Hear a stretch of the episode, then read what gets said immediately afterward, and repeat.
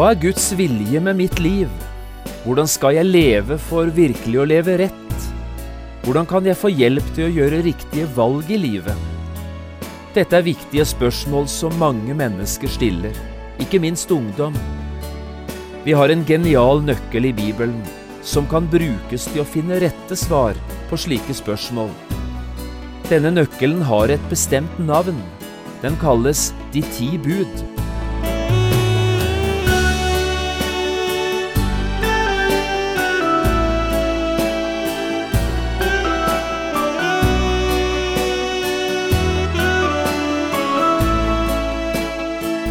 Hjertelig velkommen til et nytt program i serien Vindu mot livet.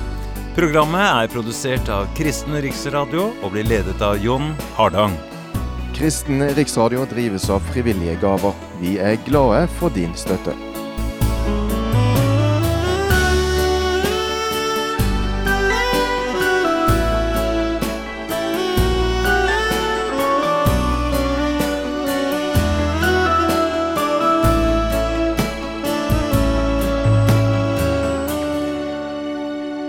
Vi skal også i dag gå videre på denne programserien som vi har kalt Ingen som Gud. En bibelundervisningsserie i tolv programmer som tar utgangspunkt i historien om Moses. Og det vi skal snakke litt sammen om i dag, handler om de ti bud. Hele denne serien er også lest inn på fire CD-er. Jeg har også laget en studiebok til denne serien. Den er gitt ut i samarbeid med Samboende forlag. Du kan bestille både boken og CD-ene ved å henvende deg til P7. Overskriften over dette niende programmet har jeg kalt Én Gud og ti bud. Vi skal nå lese sammen en del av versene i avsnittet Andre Mosebok kapittel 20 og versene 1 til 17. Vi leser litt spredte vers utover i dette avsnittet. Da talte Gud alle disse ord og sa, Jeg er Herren din Gud, som førte deg ut av landet Egypt, av trellehuset. Du skal ikke ha andre guder foruten meg. Du skal ikke gjøre deg noe utskåret bilde eller noen avbildning av det som er oppe i himmelen, eller av det som er nede på jorden, eller av det som er i vannet nedenfor jorden. Du skal ikke tilbe dem, og ikke tjene dem. Du skal ikke misbruke Herren din Guds navn, for Herren vil ikke holde den uskyldig som misbruker Hans navn. Kom hviledagen i hu, så du holder den hellig. Seks dager skal du arbeide og gjøre all din gjerning, men den sjuende dagen er sabbat for Herren din Gud. Hedre din far og din mor, så dine dager må bli mange i det landet Herren din Gud gir deg. Du skal ikke slå i hjel, du skal ikke drive hor, du skal ikke stjele, du skal ikke si falskt vitnesbyrd mot de neste, du skal ikke begjære de nestes hus, du skal ikke begjære de nestes hustru, hans tjener eller tjenestekvinne, hans okse eller esel, eller noe annet som hører din neste til.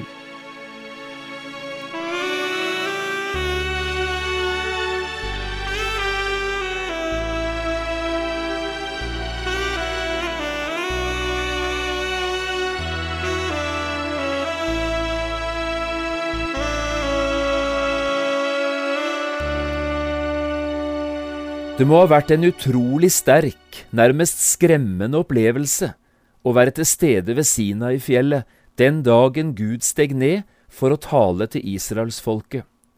Det brukes enormt sterke ord for å skildre den scenen vi her møter.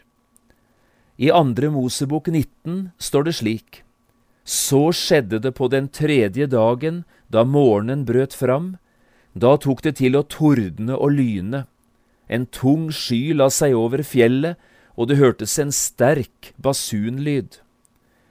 Jeg vet ikke om du klarer å se dette for deg. Da skalv hele folket i leiren, står det.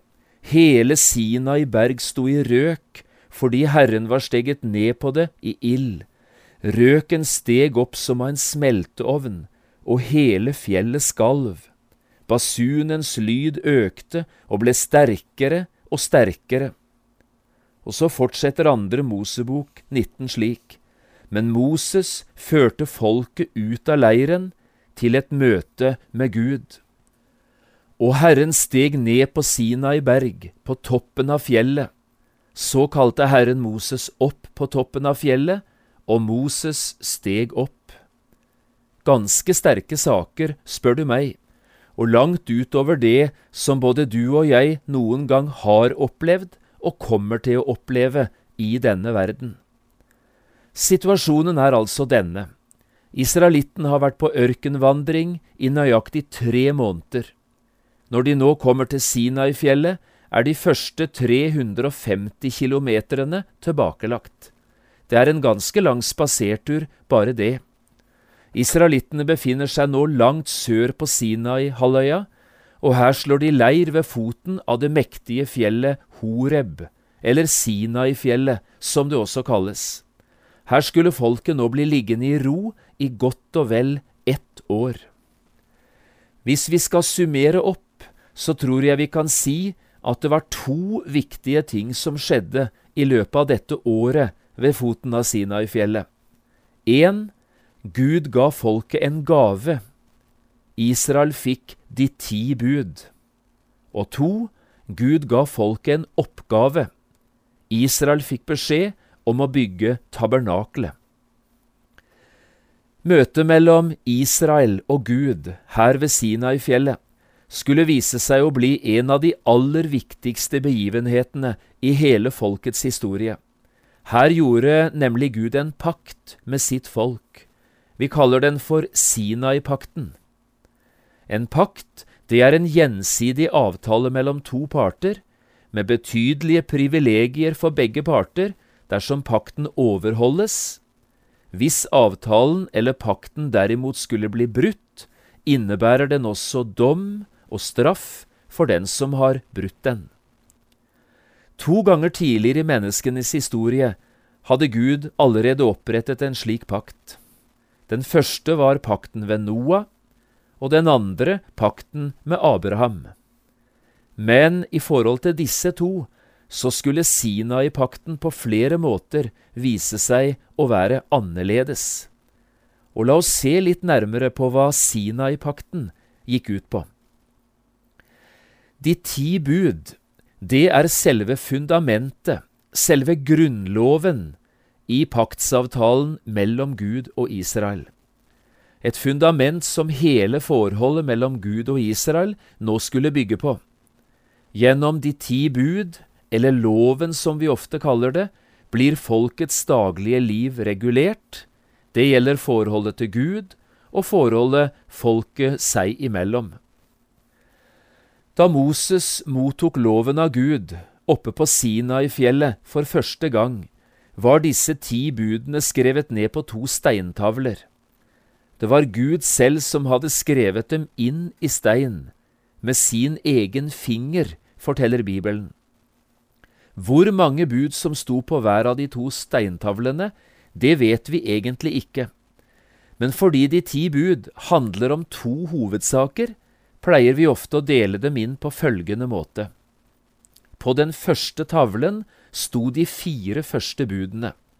Disse budene handler om folkets forhold til Gud. På lovens andre tavle sto de seks neste budene. De handler nemlig om folkets forhold til hverandre.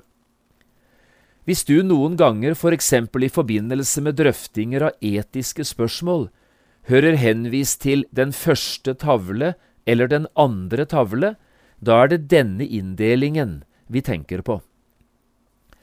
De første fire budene snakker altså om forholdet til Gud, og om hvordan vi skal gi Gud den plass i livet vårt som han fortjener. Søk først Guds rike og hans rettferdighet, sa Jesus en gang til sine disipler, så skal dere få alt det andre i tillegg. Og det er nettopp det det handler om, også her i forbindelse med de ti bud. Det viktigste først. For det første, det finnes ingen andre guder enn Israels Gud. Han er den ene og sanne Gud. Derfor skal du tilbe og tjene bare Han. Det er første hovedsak på første tavle. Det andre, avguder, de finnes ikke. Derfor skal du heller ikke lage deg avgudsbilder, sier Herren her. De vil bare ta plassen for den levende Gud og dra all oppmerksomhet bort fra Han. I det tredje budet får vi høre du skal ikke misbruke Guds navn. Du skal omgå Herrens navn i ærefrykt og med respekt. Og det fjerde, det handler om den syvende dagen i uken. Den skal være annerledesdagen, sier Gud her, helligdagen. Da skal alt det daglige arbeidet kuttes ut, og det er fellesskapet med Gud, gjennom Guds ord og bønn, som skal ha prioritet. Dette er i sum lovens første tavle. De siste seks budene de snakker om forholdet oss mennesker imellom. Og skal vi summere opp, kunne vi kanskje si det slik. Du skal ta vare på familien din, dine nærmeste i livet. Du skal hedre din far og din mor.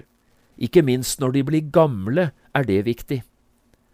For det andre, du skal respektere livet.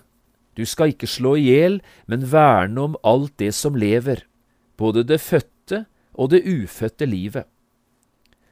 Den tredje hovedtanken det er denne, du skal omgås dine medmennesker med omsorg og kjærlighet.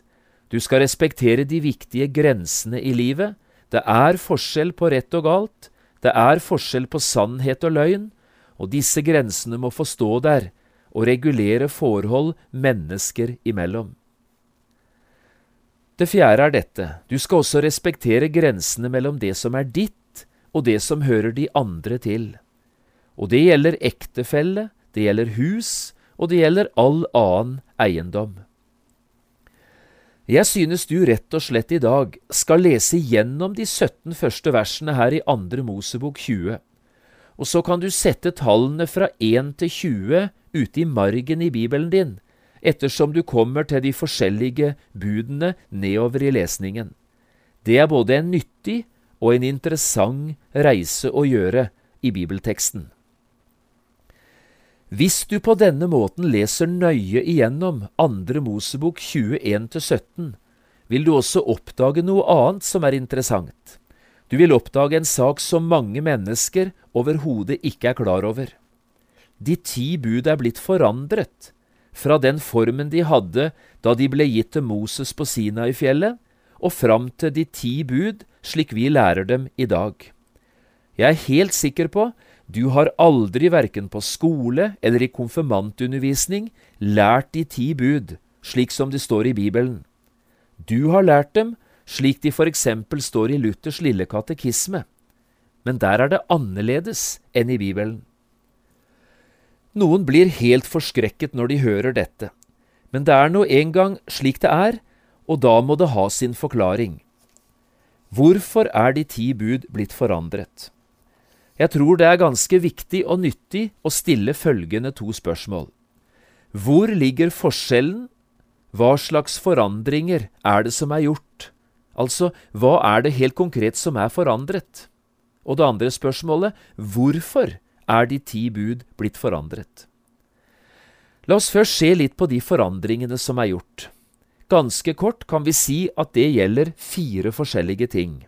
For det første, det andre budet, det vi kaller for billedforbudet, det er tatt helt bort. For det andre, det fjerde budet, det taler nå om hviledagen, ikke om sabbaten.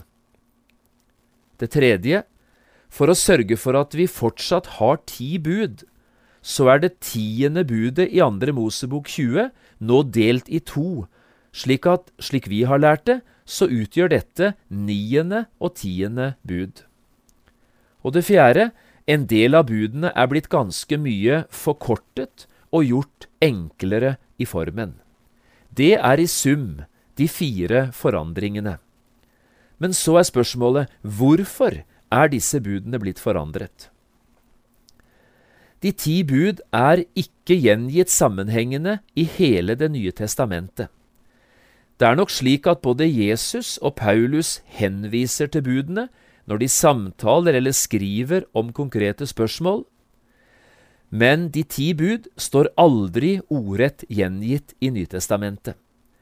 Og det er nok et signal om at de ti bud først og fremst hører hjemme i forholdet mellom Gud og Israel.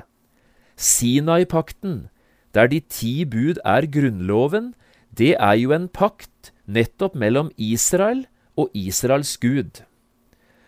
Og det er faktisk slik at israelittene forpliktet seg på å holde alle disse budene, til punkt og prikke, dersom de skulle ha retten til å kalle seg selv for Guds folk. Hør bare noen ord fra andre Mosebok 19. Gud sa til Moses, Dersom dere nå virkelig vil høre min røst og holde min pakt, da skal dere være min eiendom framfor alle folk. Og Moses han bar disse ordene fram for israelsfolket, og folket svarte, Alt det Herren har sagt, det vil vi gjøre. Dermed lovet de altså å være 100% lydige mot Guds ord og bud, for å få lov å kalle seg Guds folk. Men den dagen lovet Israel mer enn det de kunne oppfylle, og Gud måtte gjøre ferdig en frelse på et helt annet grunnlag enn lov og lovoppfyllelse. Han måtte i stedet satse på nåde. For å aktualisere det, tenk om du og jeg skulle hatt det på denne måten. For å få lov å kalle oss for kristne, så måtte vi holde alle de ti bud, og vi måtte holde dem 100% Det betyr både i det ytre livet og i hjertet. Hvor mange av oss hadde da våget å kalle oss for kristne? Ingen, tror jeg, iallfall om vi hadde våget å være ærlige. Men de ti bud skal ikke ha den plasseringen i forholdet mellom Gud og de kristne. Det avgjørende i dette forholdet er ikke forholdet til loven og budene. Det avgjørende er forholdet til Jesus og hans frelsesverk. Det avgjørende for å kunne bli en kristen er ikke å oppfylle Guds krav, men å ta imot Guds gave. Det avgjørende det er å tro evangeliet. Men hvordan skal vi da forholde oss til de ti bud i dag? Ja, kanskje jeg også kunne prøve å forklare litt omkring det spørsmålet. Vår utgave av de ti bud, altså slik vi lærer barna våre de ti bud, de er hentet fra det vi kaller Luthers lille katekisme.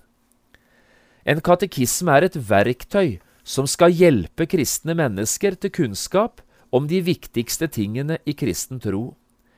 Det er et slags undervisningsopplegg gitt til foreldre, til menighet og til skole, en hjelp til å lære barn og ungdom hva det betyr å tro på Jesus, og hva det betyr å leve som kristen.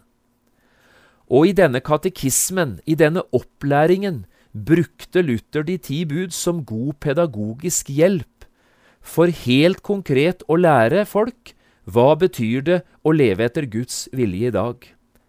Også det er jo en viktig sak, ikke sant? Men du hører at nå er det noe helt annet det dreier seg om enn om de ti bud skulle være krav vi måtte oppfylle for i det hele tatt å få lov å kalle oss kristne. Jo, Israel måtte holde Guds lov for å få lov å kalle seg Guds folk, men slik er det ikke lenger. Jesus har i sitt frelsesverk gjort det mulig for oss å bli Guds barn av nåde. Det handler om å ta imot Han og tro på Jesus. Jeg vet at dette nok er nye opplysninger for mange, og jeg vet ikke hvilke tanker du gjør deg som hører dette, eller om du forstår den måten jeg nå har prøvd å forklare disse tingene på. Men dette er iallfall utrolig viktige ting som jeg ber deg at du tenker nøye igjennom. Men hvordan skal vi da som kristne forholde oss til de ti bud i dag? Ikke sjelden hører vi tale om noe som kalles lovens tre bruk. Med dette uttrykket mener vi tre forskjellige måter å bruke de ti bud på. Jeg tror personlig at det er en god måte å tilrettelegge disse spørsmålene på. Den første, lovens bruk, kaller vi da for lovens borgerlige bruk. Guds bud, de ti bud, De inneholder lover og regler som gjelder alle mennesker og alle slags mennesker, uansett og overalt, uansett om de tror eller ikke tror. Verden er nemlig skapt av Gud, og alle mennesker har fått livet i gave fra Gud. De ti bud inneholder nå en bruksanvisning for livet. Omtrent på samme måten som det ofte følger en bruksanvisning med når vi kjøper oss en maskin eller et elektrisk apparat. Følger vi bruksanvisningen, får vi glede av apparatet. Og akkurat på samme måten følger vi Guds bruksanvisning, får vi også glede av livet. Følger vi den ikke, går det galt for oss, og vi vil aldri nå det målet for livet som Gud selv har satt. Lovens andre bruk kaller vi loven som en tuktemester til Kristus. Uttrykket tuktemester er brukt av Paulus i Galaterbrevet i kapittel 3, og her er det nettopp Guds lov han snakker om. En tuktemester det var en slave som blant annet hadde ansvaret for å følge barna til og fra skolen. Tuktemesteren hadde ikke ansvaret for selve undervisningen, men han skulle sørge for å få barna på plass. De ti bud gir perfekt veiledning for den som ønsker å leve etter Guds vilje.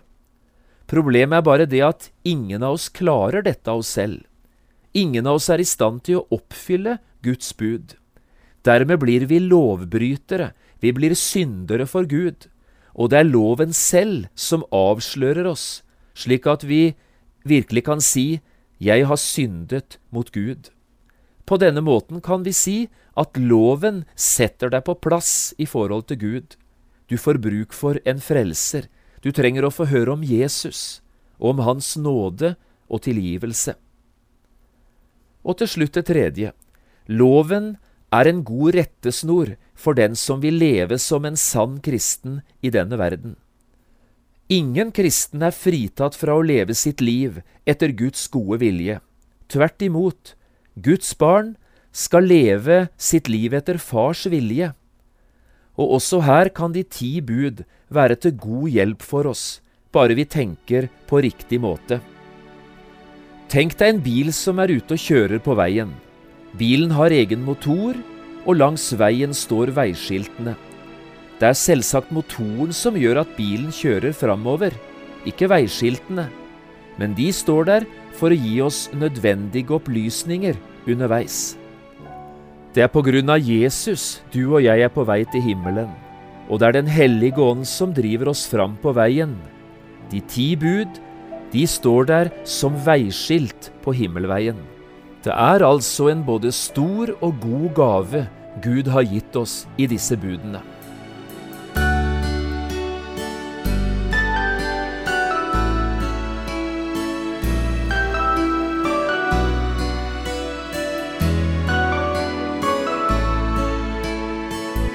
Du har lyttet til et program i serien Vindu mot livet med John Hardang. Programmene i denne serien kan også kjøpes på CD fra Kristen Riksradio, eller høres på internett på p7.no. Har du spørsmål eller kommentarer til det du nå har hørt, kan du ta kontakt med oss. Adressen er Kristen Riksradio, Skiene 2, 5353 Straume. Eller send en e-post vml alfakrøll p7.no. Takk for i dag, og på gjenhør.